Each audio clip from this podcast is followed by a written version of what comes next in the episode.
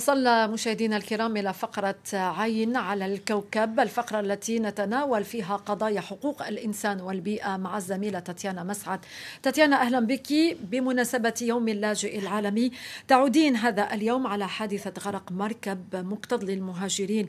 الأسبوع الماضي قبالة السواحل اليونانية وكل هذه الانتقادات التي وجهت إلى خفر السواحل اليونانية من جهة ولكن أيضا إلى وكالة فرونتكس بالفعل وبعد قرابة أسبوع على الحادثة المروعة ما زلنا لا نعلم تحديدا آه، ما جرى خاصة أن هناك تضارب فيما يقوله الناجون من جهة والسلطات اليونانية وهناك تحقيق آه، جار. لكن على ما يبدو الرحلة بدأت من ليبيا وكان من المفترض أن تنتهي في إيطاليا وعلى متنها ما بين 450 و 800 مهاجر بينهم نساء وأطفال يأتون أساسا من سوريا ومصر وفلسطين وباكستان.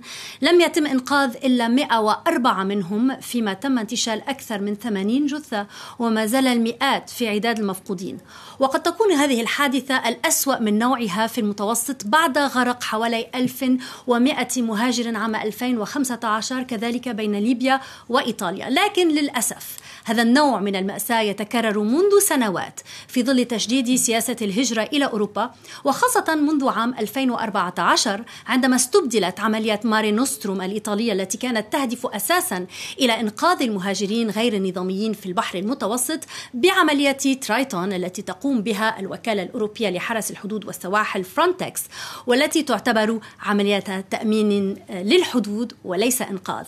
فمنذ عام 2014 غرق أو اختفى أكثر من 27 ألف مهاجر خلال عبورهم المتوسط بحسب المنظمة الدولية للهجرة. وقد وثقت منظمات غير حكومية عديد الحوادث التي تظهر فيها مسؤولية خفر السواحل آه، الليبية أو الأوروبية في غرق في غرق المهاجرين. وسبق أن تحدثت عن هذا الموضوع هنا في عين على الكوكب. في ظل هذه المأساة المتواصلة ترتفع أصوات في داخل أوروبا وخارجها منددة بسياسة الأوروبيين الذين انتقدوا جدار ترامب على الحدود الأمريكية المكسيكية ولكن في الوقت نفسه يعولون على مياه المتوسط لإبعاد المهاجرين. هذا وأشارت تقارير لمنظمات حقوقية دولية إن الطابع أو أشارت إلى الطابع العنصري لتلك السياسة والازدواجية في المعايير بعد أن فتحت أوروبا أبوابها من دون تردد لملايين اللاجئين الأوروبيين الأوكرانيين الفارين من الحرب. تاتيانا يأتي كل هذا في وقت سجل فيه عدد اللاجئين والفارين رقما قياسيا جديدا. ونحن في اليوم العالمي للاجئين. بالفعل.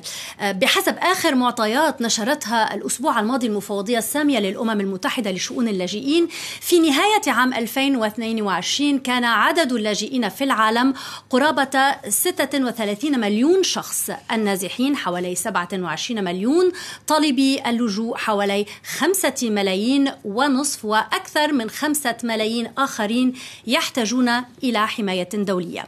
مجموع هذه الأعداد بلغ حاليا 110 ملايين نازح ولاجئ في العالم بسبب النزاع القائم في السودان. والملف آه، أو عفوا الملفت في كل هذا هو أن آه، ثلاثة أرباع اللاجئين فروا إلى دول ذات دخل منخفض أو متوسط. فالدول التي تستقبل أكبر أعداد من اللاجئين في العالم هي آه، تركيا ثم إيران وكولومبيا وألمانيا وباكستان.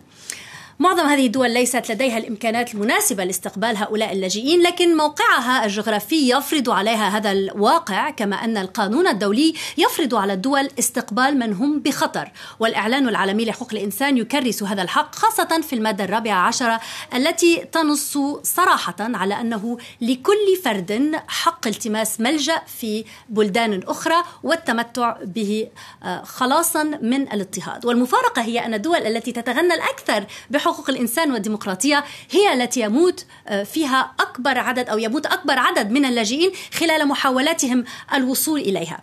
في هذه الدول المتطورة كالولايات المتحدة ودول الاتحاد الأوروبي باتت قضية الهجرة تشكل موضوعا بارزا لكسب المعارك الانتخابية وغض الأنظار عن المشاكل الفعلية في هذه البلدان. آه، بلدان إما وجدت بفضل الهجرة أو مجتمعاتها تشيخ وهي بحاجة إليها. لكن غالبا آه، يتم الحديث في هذه البلدان الآن عن أزمة الهجرة.